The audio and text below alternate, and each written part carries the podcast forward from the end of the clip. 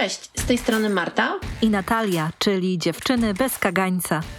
To jest podcast o kagańcach, które same sobie nakładamy i o tych, które nakładają nam inni. W każdym odcinku rozpakowujemy normy i gorsety społeczne, które nam nie służą i utrudniają życie. Gadamy o wszystkim, co w nas żywe, co nas porusza i skłania do mówienia sprawdzam. Natalia, co dobrego Cię dzisiaj spotkało? Marta, tak się składa, że całkiem sporo dobrych rzeczy i trochę muszę wybierać, o której chcę Ci opowiedzieć i postanowiłam, że opowiem Ci o czymś, co może być przydatne, użyteczne też dla osób, które nas słuchają, może odnajdą się w moim doświadczeniu, bo dzisiaj odebrałam z apteki leki, którymi będę leczyć, uwaga, trądzik. I to jest sytuacja z cyklu takich trochę trudności poznawczych, dlatego że ja całe życie, mm, wliczając w to lata nastoletnie, miałam tak zwany przywilej gładkiej skóry. Czyli miałam skórę bez wyprysków i nagle się okazało, że po trzydziestce takie rzeczy się dzieją. I bardzo długo nie mogłam i nie potrafiłam dopuścić do siebie myśli, że mogę mieć coś takiego jak trądzik, bo taki dyskurs wokół tej choroby, tej przypadłości, no nie jest zbyt sprzyjający i często jest też bardzo oceniający.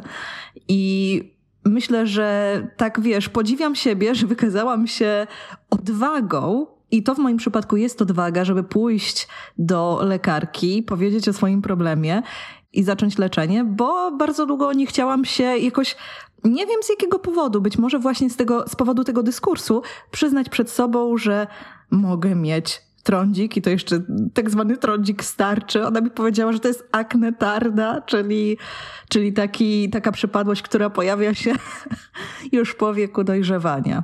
Także taka bardzo apetyczna, dobra rzecz na początek odcinka. Ja się bardzo cieszę, że podzieliłaś się tą historią, bo myślę, że w obszarach naszego zdrowia mamy jeszcze bardzo wiele tematów tabu e, i no, coraz więcej i odważniej rozmawiamy o różnych przypadłościach, które nas do, do, dopadają, ale myślę, że e, właśnie trądzik jest e, kojarzony głównie z chorobą ludzi młodych czy z przypadłością młodej skóry i często nawet, tak jak mówisz, nie dopuszczamy do siebie myśli, że jak to, jak nie miałam trądziku w wieku nastoletnim, to skąd nagle teraz? W ogóle nie rozpatrujemy próbujemy sobie radzić jakimiś kremami, środkami, kwasami, a no okazuje się, pastą że... do zębów? O, pastą do zębów. To, tego, tego nie próbowałam, e, no ale przyczyna może być inna i skuteczna pomoc lekarska może nam pomóc i, e, i poprawić nam e, stan skóry też często, co za tym idzie nastrój, no bo choroby skóry, które są widoczne, też różnie mogą na nas wpływać, więc dziękuję, że się podzieliłaś tą historią.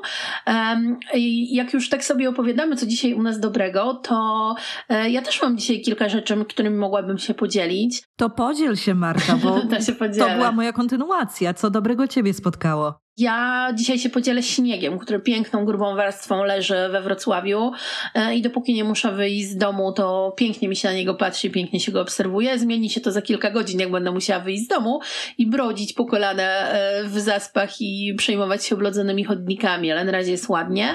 A drugą dobrą rzeczą, którą mnie spotkała, e, miałam wczoraj wystąpienie, a właściwie byłam takim, taką jedną z panelistek na Uniwersytecie Ekonomicznym mhm. na zaproszenie tamtejszego inkubatora przedsiębiorczości. E, rozmawialiśmy o marketingu i powiem Ci, że jeszcze dzisiaj zbieram e, dobre głosy i ciepłe recenzje tego mojego udziału, wow. E, bo dzieliłam się swoją wiedzą, swoim doświadczeniem zarówno z pracy po stronie agencji marketingowych, reklamowych, jak i z pracą po stronie klientów, zarówno dużych korporacji, jak i mniejszych takich startupowych organizacji.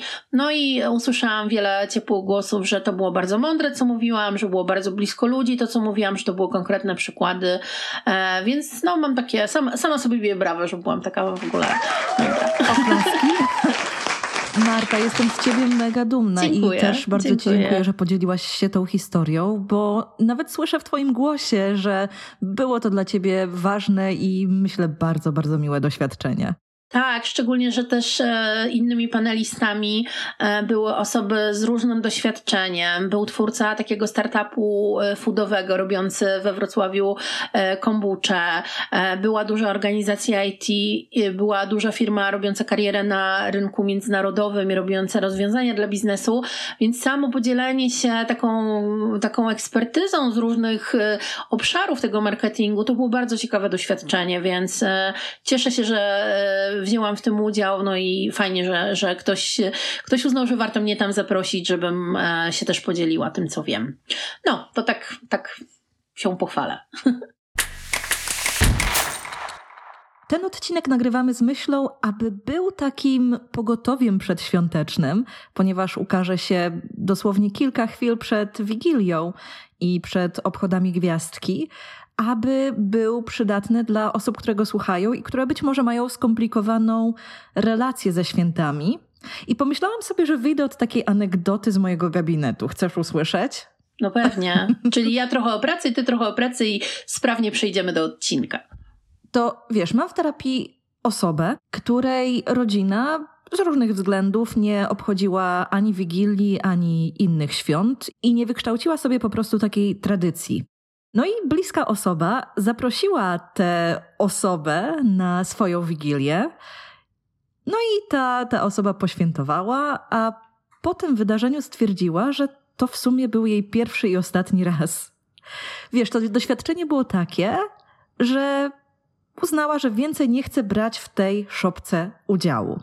I sama nie dochodziłam, chociaż no, ciekawość y, się pojawiła. Nie dochodziłam, co tam się wydarzyło, ale pomyślałam sobie, że to tak naprawdę nie ma większego znaczenia, bo gdy myślę o tej sytuacji, którą ta osoba opisała, to pomyślałam, że w sumie to byłby bardzo ciekawy eksperyment.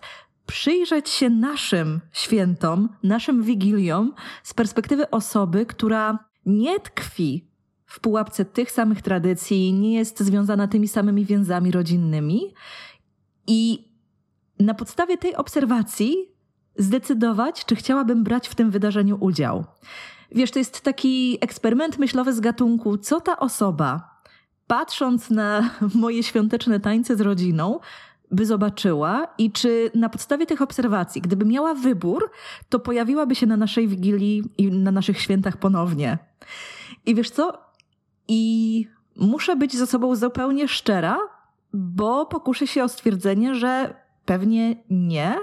I myślę, że to byłby przypadek wielu, wielu osób.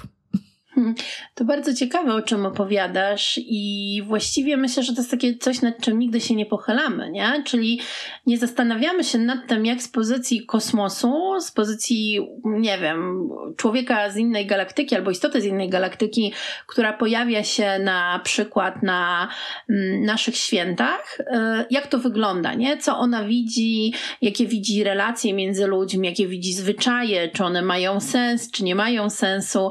I myślę, że odpowiedź mogłaby być bardzo dla nas interesująca, gdybyśmy się nagle stali obserwatorami swoich własnych świąt na, tą, e, na ten jeden wieczór. Marta, ty mówisz o galaktyce, ja nawet myślę o innej kulturze.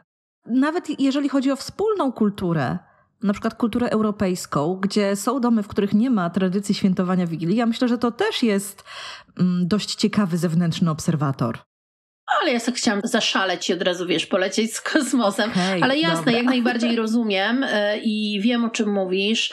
Widzę tą różnicę, kiedy oglądam amerykańskie filmy o świętach, bo lubię je oglądam. E, tam się nie świętuje Wigilii, tam mm. prezenty w ogóle rozdaje się w pierwszy dzień świąt. Pamiętam, jakie to było dla mnie szokujące, kiedy jako e, dziewczynka, taka nie wiem, może dziesięcioletnia, pierwszy raz to zobaczyłam i powiedziałam, wow, święta bez Wigilii, to w ogóle dziwne święta, nie? Po co święta? E, no Wigilia raczej jest e, czymś z naszego kręgu kulturowego, e, z naszej religii, z religii, z religii katolickiej. To jest ten czas oczekiwania oczekiwania na, na narodzenie e, e, syna e, Bożego. To jest ten czas wypatrywania tej pierwszej gwiazdki, która to symbolizuje. Dzisiaj nikt z nas się nie zastanawia w ogóle, czy te pewne tradycje, czy te pewne zachowania mają jakiś głębszy sens, tylko po prostu traktujemy to, że tak jest. Jesteśmy do tego przywiązani, a myślę, że słowem kluczem jest to, co powiedziałam wcześniej, czyli tradycja. Czyli tam, gdzie pojawia się taka chęć weryfikacji, zastanowienia się, czy to ma sens, czy to nam służy, czy to nam robi dobrze, no to wtedy możemy sobie zakleić usta tą tradycją, powiedzieć, może to nam nie służy, może to nie jest dobre, ale taka jest tradycja, nie? I e, myślę, że ta tradycja to jest e, takie trochę mm, taka przeci przeciwwaga i taka ciągnąca gumka, kiedy chcemy zrobić coś inaczej, albo czego, kiedy w ogóle czegoś nie chcemy zrobić, nie?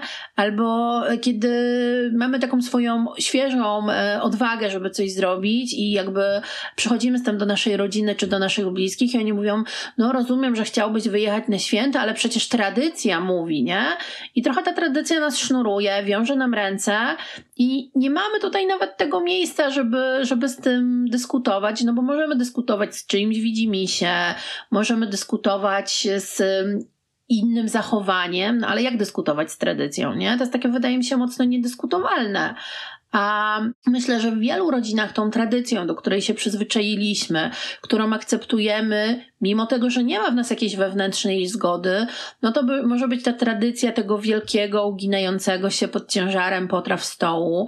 I popatrz, kiedyś, e, kiedy my byłyśmy, byłyśmy małymi dziewczynkami, no albo przynajmniej kiedy ja byłam, bo jestem trochę starsza, no to nie było na co dzień tylu dóbr. Na, na co dzień nie jedliśmy tak obficie, mm. na co dzień nie mieliśmy pomarańczy, więc jakby ten świąteczny zestawiany stół to było coś. Natomiast dzisiaj, kiedy możesz właściwie zjeść uszka kiedy chcesz, e, bo możesz je kupić gotowe i to dobrej jakości, kiedy możesz sałatkę jarzynową zrobić w termomiksie w 10 minut, czy tam 15, nie wiem, bo jeszcze nie robiłam, no to nagle te tradycyjne potrawy no już nie są takie ważne, już nie, nie, nie mogą stanowić tego centrum wszechświata, świata, a próbujemy się tego trzymać, nie?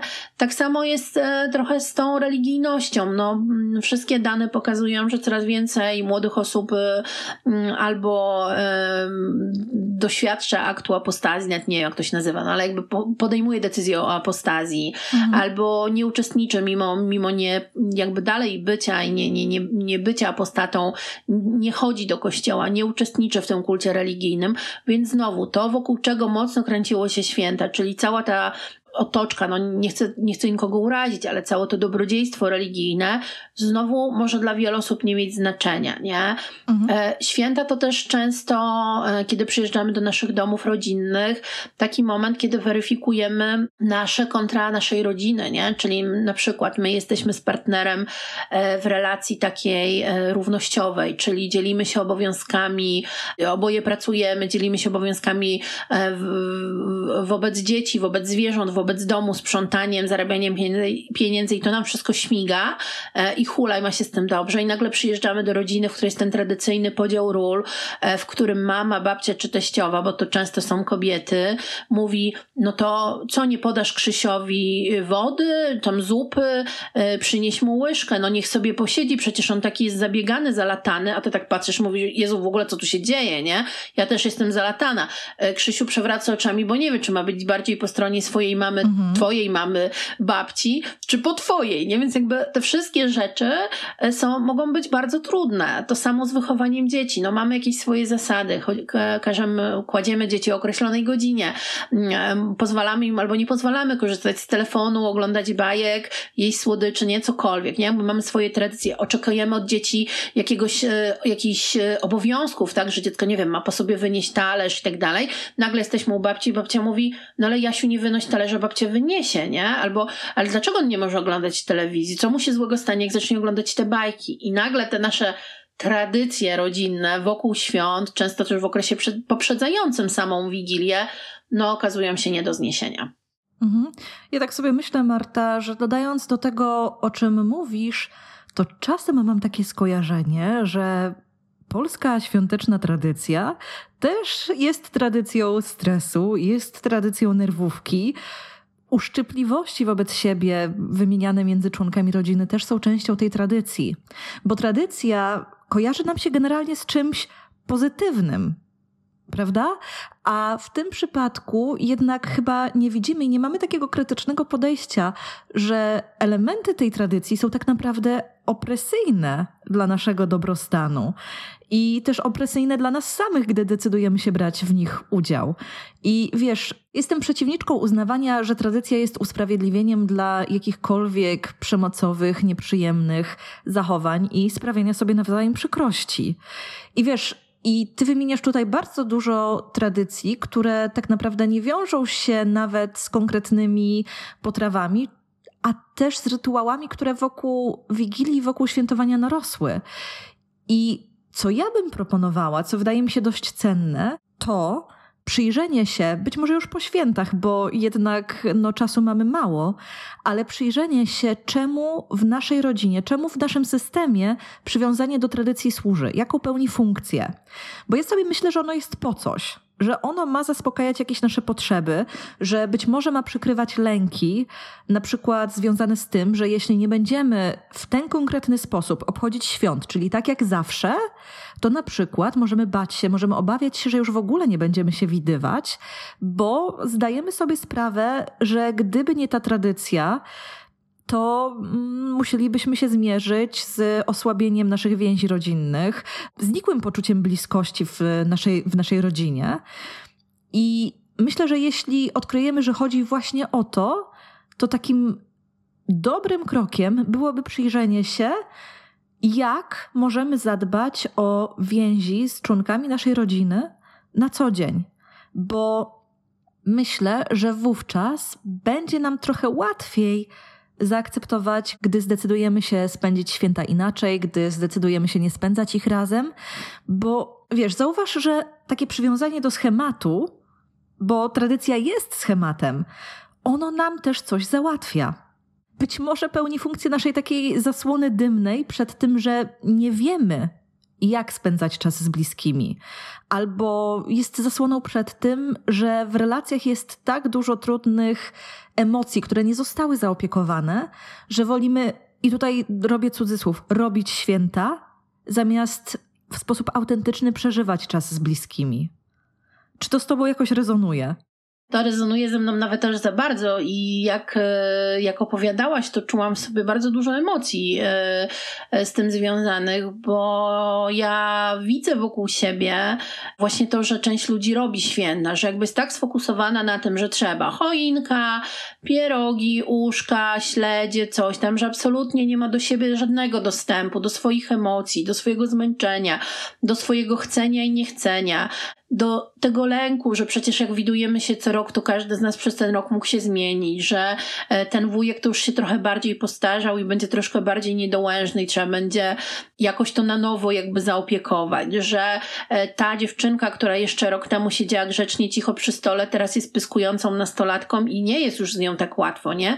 Że tak jest dużo tych relacji, co do których się nad nimi nie zastanawiamy, nie analizujemy, nie poświęcamy im czasu i w święta dalej tego nie, nie robimy, bo jesteśmy zajęci robieniem świąt, bo jesteśmy zajęci tym leceniem z listą, nie? Że jakbyśmy wzięli taką checklistę, którą miały nasze babcie lat temu 20 i takiej checklisty, która jest w wielu polskich domach jeszcze dzisiaj, to one byłyby bardzo podobne, mimo tego, że wiele rzeczy się zmieniło. No wiesz, kiedyś robiliśmy te wszystkie tradycyjne świąteczne dania, dlatego że nie było innej alternatywy. Dzisiaj możesz to zamówić. Możesz zamówić świetnej jakości, możesz zamówić eko, wegańskie, no jakie chcesz, tanie, drogie, a i tak poświęcamy czas i często kobiety, bo to najczęściej niestety dotyczy kobiet, są mhm. bardzo zmęczone, wyczerpane, ale no robiły tych uszek, tych śledzi, tego wszystkiego, chociaż znowu my żyjemy w, w świecie dużej obfitości, dużego bogactwa i jakby to, że zostanie ci po świętach czter, zostanie ci po świętach sześć krokietów i zabierzesz to do domu, to naprawdę już na niewielu osobach robi wrażenie, tak? Bo jakby te krokiety są dostępne cały czas i narobienie się przed świętami żeby było jeszcze na poświętach, no często nie ma sensu, nie? A e, Gramy, gramy w tą grę jakby co roku. E, mało tego, wiele mam próbuje przekazywać te tradycje swoim córkom po to, żeby tradycja przetrwała. I jak powiedziałaś, że tradycja nie zawsze jest czymś dobrym, to ja zaczęłam tak w głowie skanować wszystkie tradycje, które kojarzę, no i wyszło mi, że no mało tego, jest wiele rzeczy, które pod płaszczykiem tradycji przetrwały, bo gdyby nie były tradycją, to trzeba byłoby je dawno pochować, nie? I, i to jest smutne, bo robimy rzeczy, które często dla nas samych, albo dla, dla naszych bliskich, czy dla naszego otoczenia, dla środowiska, niekoniecznie są dobre, ale no jakby wiesz, tradycja, nie? Popatrz, tradycja palenia zniczy w święto zmarłych, gdzie te znicze są coraz bardziej plastikowe, jednorazowe, gdzie zużycie tych surowców po, po tym święcie jest ogromne, ale naprawdę trudno nam jest zerwać z tą tradycją i na przykład y, zapalić jeden znicz albo nie zapalić wcale, nie? Bo co mamy? Mamy tradycję, mamy pewne przewiązanie i jakby się przyjrzeć tym tradycjom, no to może by się okazało, że wiele rzeczy jest do zmiany. I to też wymagałoby przyjrzeniu się temu, co w tych tradycjach nie przystaje już do tego, jak dziś wygląda świat, jakim jesteśmy ludźmi, mm, jakie są nasze wartości. Tak, i wiesz, mi jeszcze a propos świąt przychodzi do głowy taka refleksja, że stajemy się społeczeństwem hedonistycznym i mhm. no, wielu z nas y, żyje w bardzo wygodny dla siebie sposób i święta to jest ten jeden albo jeden z nielicznych czasów w roku, kiedy godzimy się na wiele niewygód w tak zwane imię wyższego dobra, czy też nazwijmy to tej tradycji. No bo zobacz, e, jedziemy do rodziców, mhm. śpimy w swoich dziecięcych łóżkach, dziecięcych pokojach, e, albo ugniatamy się na sofie w, w salonie rodziców albo dziadków. Nagle znowu przejmujemy tą rolę, mimo tego, że jesteśmy dorośli, e, sami prowadzimy swoje życie, zarządzamy firmami, e, mamy odpowiedzialne stanowiska, no to znowu wpychamy, albo jesteśmy wepchnięci w rolę takiego trochę przynieść, wynieść, co ty tam wiesz, przecież jakby zawsze nie, nie mów mi, jak mam robić, bo wiem lepiej, nie? Więc jakby znowu znosimy tak bardzo wiele tych nie, niewygód, które gdyby ktoś nas próbował namówić przy innej okazji, gdyby ktoś powiedział, nie wiem, w środku października, słuchajcie, będziemy teraz się wszyscy spotykać, wszyscy do nas przyjedziecie w jednym czasie, będziemy jeść groch z kapustą, e, pierogi, cały czas siedzieć przy stole, nie, nie wstawać przez dwa dni, cisnąć się i gnieść, to byśmy powiedzieli, e, sorry, no nie bardzo, nie? Ale jak to dochodzi do tego mhm. święta i tradycja, no to nam się to nagle zmienia i mówimy, no dobra, ten raz w roku to można, nie? I gdybyśmy się mieli zastanowić, czy zgodzilibyśmy się na tradycyjne spędzanie świąt w jakimkolwiek innym momencie w roku i wyszłoby nam, że nie, to myślę, że to jest bardzo dobry moment, żeby zatrzymać się i się zastanowić nad tym, jak spędzamy święta. Tak sobie pogadałyśmy, ale też obiecałyśmy na początku odcinka, że podpowiemy osobom, które nas słuchają, jak przetrwać, jak poradzić sobie, jak zadbać o siebie w nadchodzące święta. I kiedy rozmawiałyśmy o tym odcinku, pomyślałyśmy sobie o takich nie hakach, czyli life hackach, które być może okażą się w jakiś sposób pomocne, albo też pomogą nam pomyśleć o świętach inaczej. I myślę sobie, że to jest już dobry moment, żeby zamienić się w ciocie dobre rady. I opowiedzieć trochę o tym, co wymyśliłyśmy. Co ty na to? Tak, zgadzam się i nawet mogę zacząć. Ale ja chcę zacząć. no dobra, Natalia, możesz ty zacząć. Tak, ja chcę zacząć, dlatego że pierwszy hak, który przyszedł mi do głowy, to on jest trochę przewrotny, ale brzmi: nie bądźmy zaskoczone albo zaskoczeni. I ja wiem, że to pojawiło się już w naszym świątecznym odcinku, pierwszym po przerwie między sezonami, ale myślę, że warto do tego wrócić. Bo skoro znamy wszystkie wady, wszystkie przywary naszej rodziny, to tak naprawdę wiemy, czego się spodziewać. I myślę sobie, że wiele osób przychodzi na wigilijną kolację z taką nadzieją, że coś się zmieniło, że coś się zmieni i myślę sobie, że takie osoby wystawiają się na duże rozczarowanie. Bo jeżeli między jednymi świętami a drugimi żadna ze stron, czyli ani my, ani te drugie osoby nie podjęły pracy nad sobą, nie przeprowadziły jakiejkolwiek rozmowy na ten temat, nie pojawiły się jakiekolwiek propozycje rozwiązań, żeby zrobić coś inaczej, żeby przeżyć coś inaczej, i to są te rzeczy, które zazwyczaj psują nam nastrój, to tak naprawdę nie możemy liczyć że ktoś zmieni swoją osobowość o 180 stopni. I zauważ, że w filmach świątecznych i innych tego typu produkcjach zmiany dlatego, że są święta, zdarzają się bardzo często. Ja jednak proponuję przestać liczyć na cud. Bo myślę, że najczęściej rozczarowanie związane z tym, co działo się przy świątecznym stole i wokół świątecznej otoczki, wynika właśnie z tego, że mieliśmy ogromną nadzieję, że coś się zmieni, a mimo wszystko było tak jak zawsze. I ty mówiłaś o tym w pierwszym odcinku, że mm, no po świętach po prostu załamujemy ręce i mówimy, na co, my, na co my liczyliśmy. I to jest właśnie z tej kategorii. I myślę sobie, że warto w takim razie przygotować się na to, że będzie tak jak zawsze i wokół tego wytworzyć sobie swoją strategię przetrwania.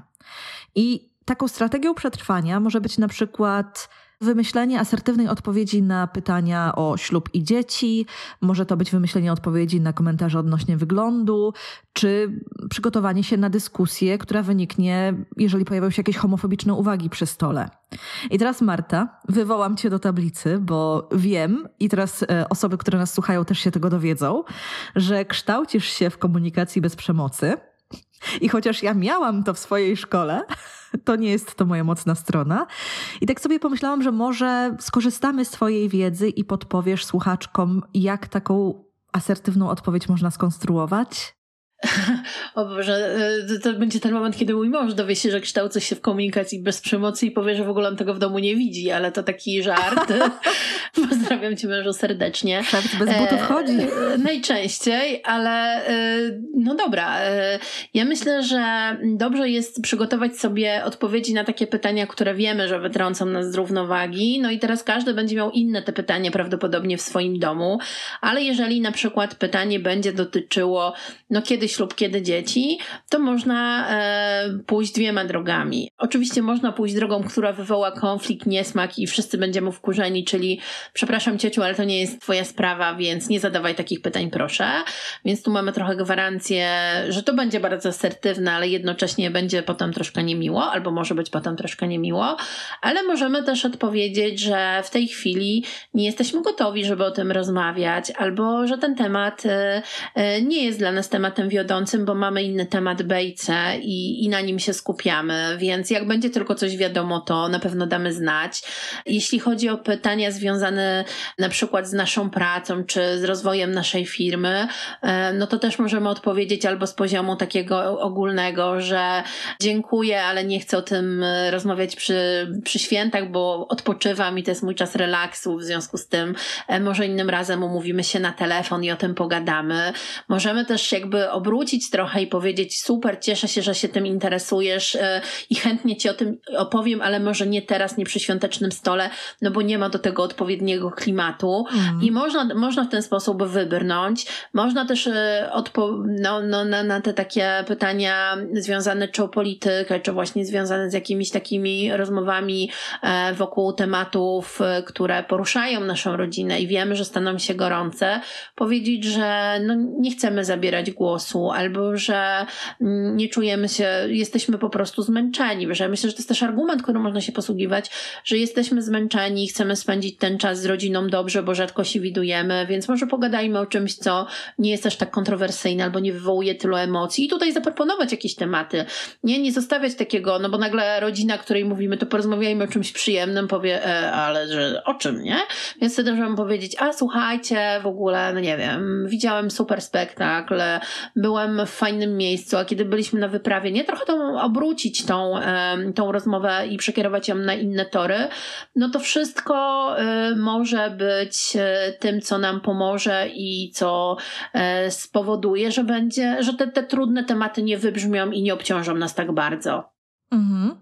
Co o tym myślisz? Ma to dla ciebie sens? Wiesz co, ma to dla mnie sens i tak sobie myślę, że w ogóle odeszłaś w swojej wypowiedzi od tego, jak my zazwyczaj pojmujemy komunikację bez przemocy, bo wiele osób kojarzy NVC z tym takim schematem. Kiedy mówisz tak, to mnie wywołuje takie uczucie i tak dalej. Mhm. I wielu ludzi ma na to alergię i reaguje na to najeżaniem się. I dlatego tego nie proponuję, bo jestem bardzo świadoma tego, że kiedy na przykład wyobraź sobie taką scenkę, pod, pod, podchodzi do ciebie tam babcia, ciocia i mówi a kiedy tam, no nie możemy się doczekać na wnuki, nie? A ty tak stajesz, myślisz tak, ciociu, kiedy mówisz do mnie w ten sposób, to powoduje i, i jakby wiesz, nie, pozamiatane, więc jakby dla mnie dużo, bo wiesz, w rozmowie możemy albo posługiwać się całym schematem, albo osiągać swoje cele ja jestem za osiąganiem celów, nawet jeżeli będzie to połączenie różnych metod, bo w momencie, kiedy podbija do nas taka ciocia i mówi, o Zosiu, nie mogę się doczekać, kiedy tam wnuki, ślub, bo wy z tym Jurkiem to już 15 lat, a ty mówisz, ciociu, jak ja się bardzo cieszę, że ty się, że, że ty się interesujesz i że to jest dla ciebie takie ważne, chętnie ci o tym opowiem, jak tylko coś będę wiedziała, zadzwonię do ciebie, dam ci znać, a teraz słuchaj, jak tam, co tam, nie? Dam. Wyprowadziłeś temat, lekko cię tylko musnął i jest, już jesteście w innym momencie, nie? Mhm. I według mnie to jest skuteczniejsze. A zupełnie w święta chodzi mi o to, żeby no jednak no nie, nie, nie kłócić się ani nie zaogniać tych sytuacji, bo wydaje mi się, że w wielu domach i tak jest bardzo ogniście bez tego. Mhm. Wiesz co, ja tak sobie myślę też, bo jestem w pewnym rozdarciu. Dlatego, że jedną z takich moich strategii jest, bo mówiłaś też o tym, przekierowanie uwagi. I czasem to jest po prostu wyhaczenie, która osoba w towarzystwie uwielbia mówić o sobie i na przykład zapytanie jej o jej przeszłość, lata studenckie, jakieś doświadczenia, albo zapytanie, nie wiem, jakie macie plany urlopowe w tym roku, czyli skierowanie mhm. takiej rozmowy na przyjazny, dość neutralny grunt. I tylko zastanawiam się, i to jest y, pytanie trochę bez rozwiązania na dziś, na ile taka rozmowa i ta strategia, bo to jest pewna strategia, będzie wspierała nas i wspomagała budowanie tej bliskości na której być może nam zależy. Bo zastanawiam mnie, czy tam, gdzie są strategie, jest miejsce na taką autentyczną bliskość. No ale to jest takie, wiesz, pytanie rzucone, e, z którym nie musimy się dzisiaj kompletnie mierzyć. A ja ci mogę, słuchaj, ja ci mogę na nie trochę spróbować odpowiedzieć, bo, A to odpowiedz, bo wydaje no. mi się, że to jest trochę tak, że y, mamy tak duży zasób y, tych tematów i możliwości, o których możemy rozmawiać, że możemy wybrać też te tematy, które budują bliskość. Bo zobacz, y, moja mhm. kuzynka, z którą mam dużo tematów do rozmowy i bardzo ją lubię, y, będzie miała od Wigilii psa. Jadą po niego w Wigilię rano i na przykład z nią, z nią miałabym super temat do rozmowy, bo gadałybyśmy o psach, nie? Ale teraz jakby siedziała tam jakaś ciocia albo babcia, -hmm. no to mogłybyśmy sobie też pogadać, czy ona kiedyś miała psa, jak to było, e, jak się, jak się te inaczej zwierzęta kiedyś traktowało i tak dalej. Nie? Więc no ja na przykład jestem teraz e, zafascynowana też takimi tematami, jak to było 20 lat temu i chętnie rozmawiam z, moim, z moją rodziną, z moimi znajomymi, jak oni coś pamiętają, nie? Jak na przykład pytam się mojej mamy, mamo, ale jak to było z tymi kartkami, to to było na to czy na to? No są te tematy, które nas interesują. To nie chodzi o to, żeby budować tą komunikację -hmm o jakieś takie tematy, wiesz, gdzie my się nudzimy, no bo to też my tracimy ten czas, a to jest nasz czas, tylko żeby wynajdywać te tematy, które mogą być wspólne. A wierzę w to, e, że tego może być dużo. To może być jak kiedyś te nasze rodziny, gdzie, gdzie nasi bliscy mieszkali, e, szkoły, edukacja, e, proces związany z budową, rozbudową miast, jeżdżeniem kiedyś na mo- nad morze, gdzie się jeździło, gdzie się zatrzymywało, wiesz, co się jadło. No tych tematów jest tak dużo, mhm. że właściwie jest z czego wybierać e, i myślę, że można jednocześnie przekierować tą rozmowę z tematów niewygodnych na wygodne, ale na takie, które nas naprawdę interesują. Mhm. I też sobie myślę, że oczywiście to też jest historia o tym, z którymi osobami z rodziny chcemy utrzymać relacje, które są, nazwałabym je poprawne, a z którymi chcemy budować tę bliskość.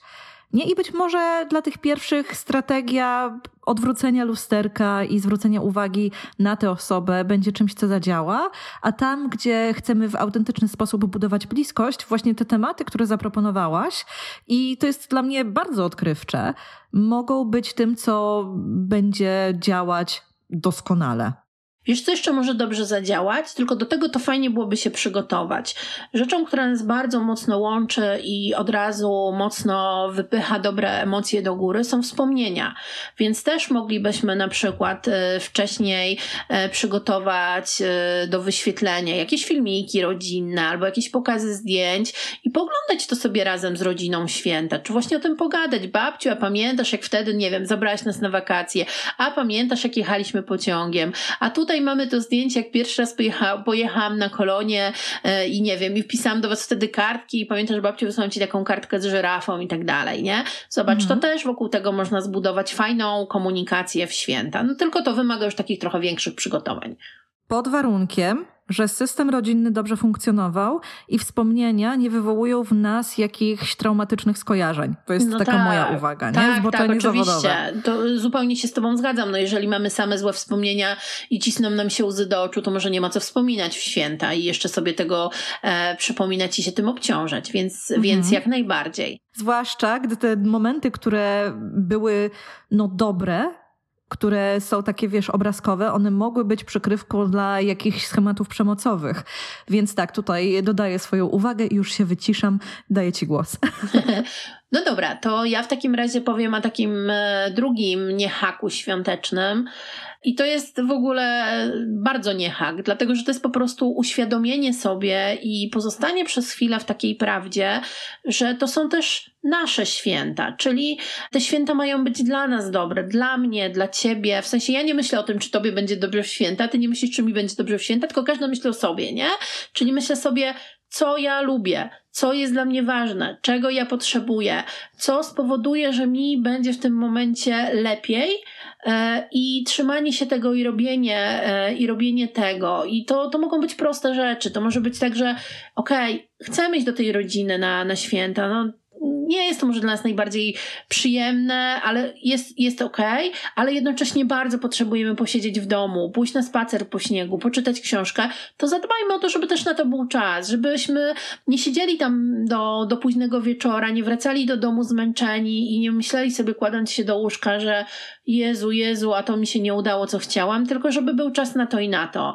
Jeżeli my potrzebujemy y, zjeść w święta coś, co nie jest świąteczne, to zostawmy sobie na to miejsce, miejmy w domu to, co najbardziej lubimy, coś, co, co nas też jakoś wewnętrznie ukoi, da nam to wewnętrzne ciepło i, i zjedzmy sobie to w domu, tak? No może nie musimy ostentacyjnie przynieść swoich dań na Wigilię i tylko nimi się żywić, chyba, że faktycznie musimy z jakichś powodów, to okej, okay.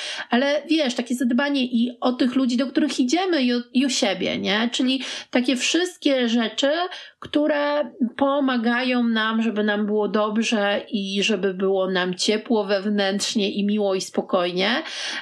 Kiedy omawiałyśmy ten odcinek, to ty jeszcze powiedziałeś, że są takie małe takie wewnętrzne bunty, e, które mhm. pomagają nam i pokazują, że my dla siebie jesteśmy ważne, bo skoro postanowiłyśmy, że zawsze siedziałyśmy tam do 22, a w tym roku siedzimy do 20 i o tej 20 wychodzimy, to mamy takie trochę wewnętrzne, takie wow, nie? Zrobiłam to dla siebie i to też jest bardzo ważne i myślę, że też bardzo fajne. Mhm. I też sobie myślę, że tutaj warto dodać, jeśli chodzi o te wewnętrzne akty buntu, to to, że jeżeli na przykład przychodzimy na kolację wigilijną i mówimy, oznajmiamy od początku, że potrzebujemy wyjść o 20 z jakiegokolwiek powodu, to znacznie lepiej i znacznie korzystniej dla naszej przyszłości jest tej obietnicy złożonej sobie i też innym dotrzymać. Bo jeżeli za namową współbiesiadników zostaniemy nieco dłużej, to to tworzy tak zwany wyjątek.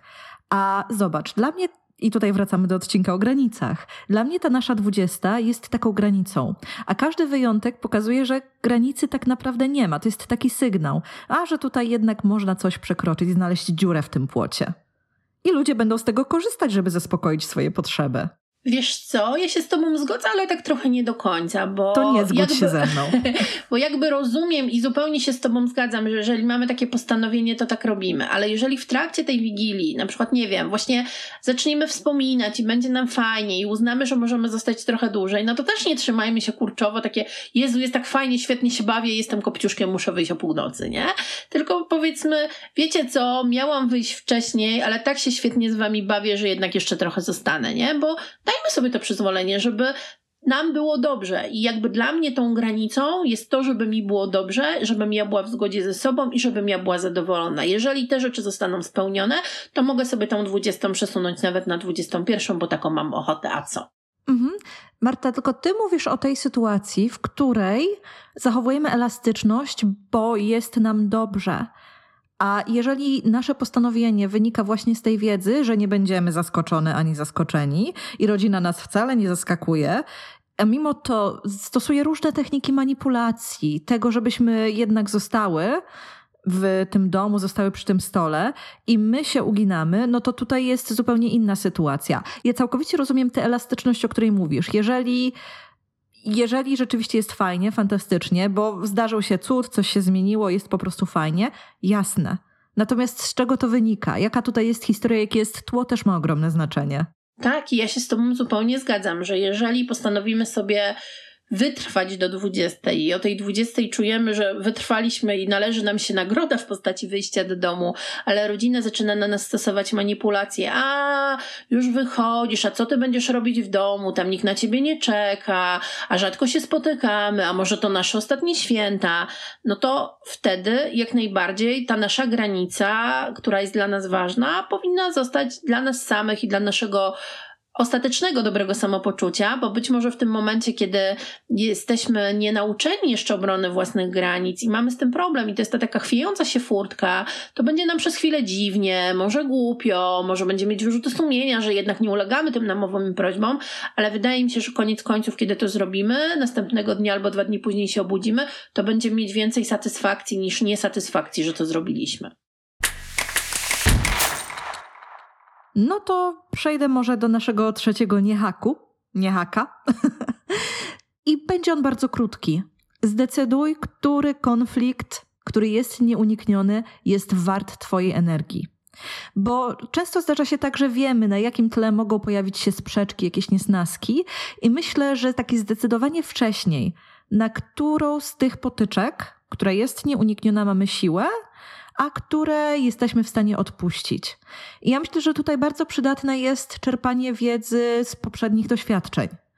I wiesz, nie wiem, czy to będzie zasadny przykład, ale z jakiegoś powodu podczas moich wigilii z moich lat nastoletnich i wcześniejszych pojawiały się opowieści o zwyczajnie okrucieństwie wobec zwierząt, które wynikało z pracy na roli. I ta opowieść pojawiała się za każdym razem i musiałam poprosić, aby zaprzestano snucia tych opowieści właśnie po to, żeby bezpieczniej poczuć się przy tym wigilijnym stole. Tak, ja myślę, że, że to mogą być też takie sytuacje, w których na przykład wiesz, że twoje dziecko będzie chciało rozpakować y, prezenty przed y, zjedzeniem kolacji, że dziadkowie będą nalegali, że tak, niech to zrobi, przecież jest malutki i tak dalej. I ty możesz zdecydować przed, czy to jest coś, na co będziesz tracić energię i upierać się, że nie, bo ty masz inne zasady, czy powiesz, dobra, raz w roku mam to w nosie, niech se rozpakuję, mi nie ubędzie, nikomu nie ubędzie, zjem spokojnie kolację. Jakby postawić sobie, co jest twoim celem, czy to, żeby mieć rację, wychować dziecko po swojemu, czy że, że zjeść w spokoju kolację jak ci wyjdzie, że w spokoju kolację, to ten konflikt odpuścisz, tak? E, I tych, tych konfliktów, na które konfliktów, my to nazywamy konfliktami, no ale jakby tych takich tematów, które angażują naszą energię, przy świątecznym stole na pewno kilka będzie i warto się zastanowić, co do których możemy odpuścić, powiedzieć, nie, nie wkładam tam mojej energii, nie? Nie idę za tym. Jak najbardziej. Dzięki Ci za, te, za to dodanie.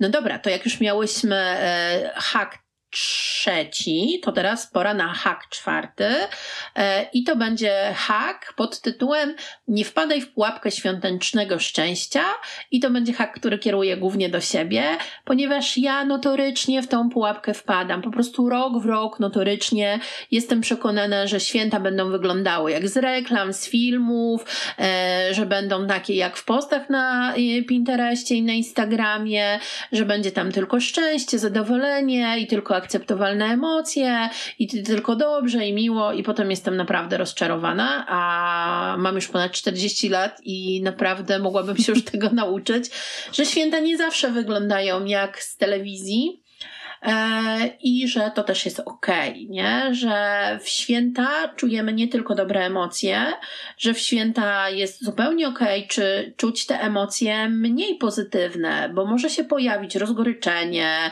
może się pojawić żal, może się czy pojawić się jakieś rozczarowanie, smutek, tęsknota e, i tęsknota za ludźmi, ale też tęsknota za tym, co mamy w środku, taka wiesz, nie, taki kłębuszek, który siedzi w środku, my go nie potrafimy -hmm. rozplątać, że o coś nam chodzi, ale my nie wiemy o co nam chodzi, ale to wiesz, tak trochę pisał o tym Kofta, że nie wiem jak chciałbym, żeby było, ale chciałbym, żeby było inaczej, nie? Więc, e, więc to jest takie trochę o tym, nie? I... Tak, 50% albo i więcej klientów, którzy przychodzą na terapię. Na pewno, a powiem Ci, że też widziałam takie badania, że bardzo wiele osób decyzję o terapii podejmuje właśnie po świętach E, więc to też o czymś mówi, że zarówno te sytuacje wokół świąt rodzinne są trudne, ale też dwa, że my docieramy do pokładów jakichś takich wewnętrznych emocji, z którymi nie potrafimy dać sobie rady, a często też je odrzucamy, bo przecież są święta, mhm. jest pięknie, są wszyscy, są prezenty, jest ta ulubiona sałatka, no to o cholerę mi chodzi, nie? A o coś mi mhm. wewnętrznie chodzi, tylko nie wiem o co.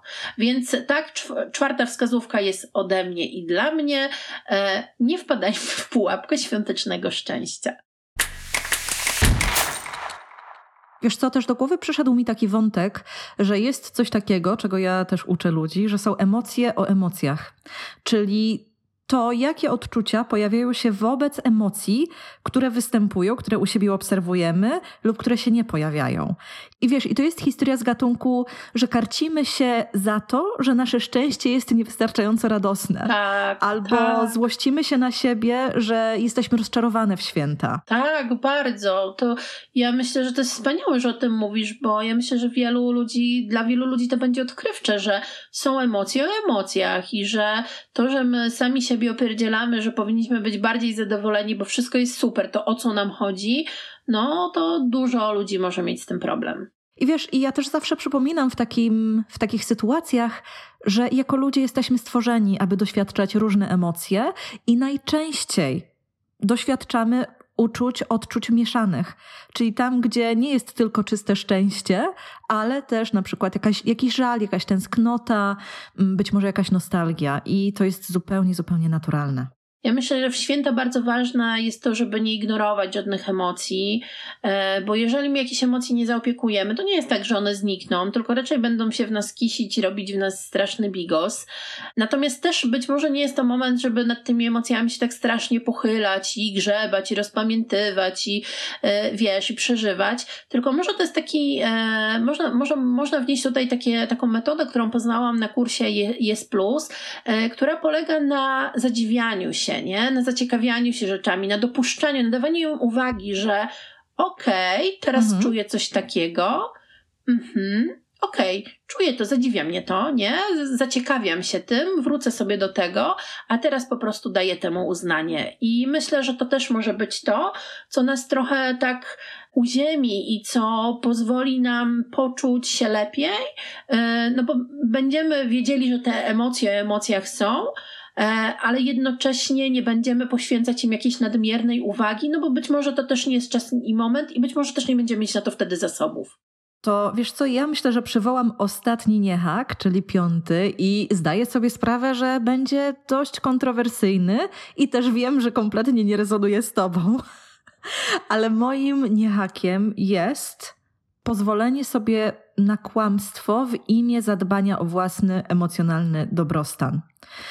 I takim kłamstwem może być na przykład powiedzenie w ostatniej chwili, że ktoś w domu się rozchorował i nie pojawimy się przy wspólnym stole. Bo na przykład, jeżeli spodziewamy się przy tym stole różnych zachowań przemocowych, uszczypliwości, takich, które nas pokiereszują i wiemy, że jakaś część w nas jest tak bardzo wrażliwa teraz, że no, bycie w tej sytuacji może nam zwyczajnie zaszkodzić to powiedzenie półprawdy może być znacznie, znacznie korzystniejsze, znacznie bezpieczniejsze dla nas niż na przykład próbowanie skonstruowania asertywnej wypowiedzi, asertywnej odmowy w miejscu, gdzie nie mamy jeszcze miejsca na tę asertywność. I w takiej sytuacji użycie argumentu, który w szczególności w ciągu ostatnich dwóch lat stał się bardziej zrozumiały, może naprawdę ułatwić zaopiekowanie się sobą, swoimi emocjami, a nawet zaopiekowaniem się potrzebami najbliższych nam osób, co do których na przykład nie chcemy, aby uczestniczyły w tym, co my przeżywamy, co my wiemy, że się wydarzy. I teraz Marta mnie zjedzie. Nie, zupełnie nie, dlatego że ja absolutnie nie uważam, że to, że ja jakoś mam, to wszyscy dookoła mają tak mieć, e, więc e, ja dopuszczałabym pewnego rodzaju kłamstwa. Być może w tych tematach, o których mówisz, raczej szłabym w asertywność, która potem powoduje to, że niektórzy się na ciebie obrażają. To też nie jest fajne, ale na przykład mówienie wprost, że spędzam te święta w inny sposób z kim innym i że gdzieś się nie pojawię ale już to kiedyś zrobiłam i powiem Ci tak, miało to też swoje konsekwencje. Mhm. Natomiast e, dopuszczam takie kłamstewka albo takie drobne nieprawdy, kiedy na przykład są tematy, w które nie chcę się angażować, nie? I na przykład ktoś mnie pyta, co ja sądzę na temat, nie wiem, polityki, a wiem, że za chwilę się o to pokłócimy, to mówię, że nie interesuję się, nie mam zdania, nie wiem, co się dzieje, nie? Chociaż wiem. Więc jakby to jest to jedno kłamstwo, które dopuszczam. I drugie kłamstwo, które absolutnie dopuszczam i jakby pozwalam każdemu, nie, że na inne nie pozwalam, ale na to pozwalam jakby bardziej. Sobie? E, to są sobie, to są kłamstwa, które chronią innych ludzi. Czyli jeżeli ktoś mnie pyta o rzeczy związane z innymi osobami, nie? Na przykład, nie wiem, no czy na przykład ktoś tam ma jakieś problemy ze zdrowiem, albo z pieniędzmi, albo z czymś tam. Ja nawet wiem, mhm. to ja mówię, że nie wiem bo ja uważam, że to nie jest mój temat i to należy zapytać tamtą osobę. Dlatego to jest to kłamstwo, w którym naprawdę mówię, że nie mam pojęcia, nie wiem, nie powiem, nie dopowiem, e, no bo to, to chroni innych ludzi. Ja sobie tutaj daję pełne prawo do kłamstwa. I nawet nie jestem wtedy asertywna, żeby powiedzieć, słuchaj, wiem, ale ci nie powiem, bo to nie jest twoja mm. sprawa, tylko po prostu idę po prostu calutka na biało w kłamstewko. Mhm, czyli to jest taki twój sposób na zadbanie o lojalność wobec osób, na których ci zależy, z którymi masz bliską więź? Wobec wszystkich osób, bo nawet mi na, jeżeli mi na kimś nie zależy i nie mam z nim więzi, jak ktoś mnie dopytuje o rzeczy, które tej osoby dotyczą, to uważam, że to nie jest jego sprawa i takiej nie powiem. Mm, Okej. Okay. Mm, to już tak zmierzając do końca, myślę, że chciałabym dodać, że te nie haki, nie lifehacki, zrodziły się w dużej mierze z naszych przeżyć, z naszych refleksji, z tego, o czym rozmawiałyśmy na temat świąt, ale też różnych sytuacji, relacji rodzinnych i też bazowałyśmy na tym, co nam było na jakimś etapie, bywa lub po prostu zazwyczaj jest potrzebne, gdy jakieś interakcje są trudne. I myślę, że kończę ten odcinek z taką nadzieją, że to, co dzisiaj tutaj padło, będzie przydatne i dla naszych osób słuchających. Tak już zamykając dzisiejszą rozmowę, chciałabym tradycyjnie zapytać, co dla siebie zabierasz? Ja zabieram dla siebie emocje emocjach. To jest dla mnie ogromne odkrycie, bo czasami mam wrażenie, że siedzi we mnie taki kłębek, nie wiem o co mi chodzi i mam takie, dobra, ale to coś tak do siebie przypieprzasz, w ogóle weź daj spokój, w ogóle o co ci chodzi, wiesz, i tam się zaczyna mm. taki dialog wewnętrzny, a teraz myślę sobie, że można mieć emocje emocjach i będę trochę inaczej na to patrzeć i być może w święta mi się to przyda szczególnie, no bo w święta tych emocji jest naprawdę dużo, więc mm. bardzo ci za to dziękuję. Mm. To może być też takie, oj, nie znam tego odczucia jeszcze, jeszcze tej emocji nie znam. Co to może być? Jak ją bym nazwała? Czy jest przyjemna, czy jest nieprzyjemna? Czy jest komfortowa, czy niekomfortowa? To jest, wiesz, to jest cała historia. To kiedyś o niej koniecznie opowiemy. Na pewno. To teraz e, moja kolej. Co ja dla siebie zabieram? Przede wszystkim mm, to, co ty zaproponowałaś, czyli tematy budujące bliskość bo to też wymaga od nas takiej uważności na osoby wokół nas i być może będziemy właśnie w stanie sterować różnymi emocjami w taki sposób, aby interakcja, aby rozmowa była dla nas interesująca, zajmująca i właśnie służyła temu celowi budowania bliskości. To co, Marta? Czy mogę już Ci życzyć wesołych świąt? Możesz mi życzyć świąt. Natalia, czy ja mogę życzyć Tobie świąt? Życz mi świąt. W takim no razie taki... chórem, świąt. Świąt. Wszystkim, wszystkim naszym słuchaczom, słuchaczkom życzymy świąt, jakich tylko chcecie. Dzięki za dzisiaj. Pa. To były Dziewczyny bez kagańca. Subskrybuj nasz podcast i podaj go dalej. Do następnego razu.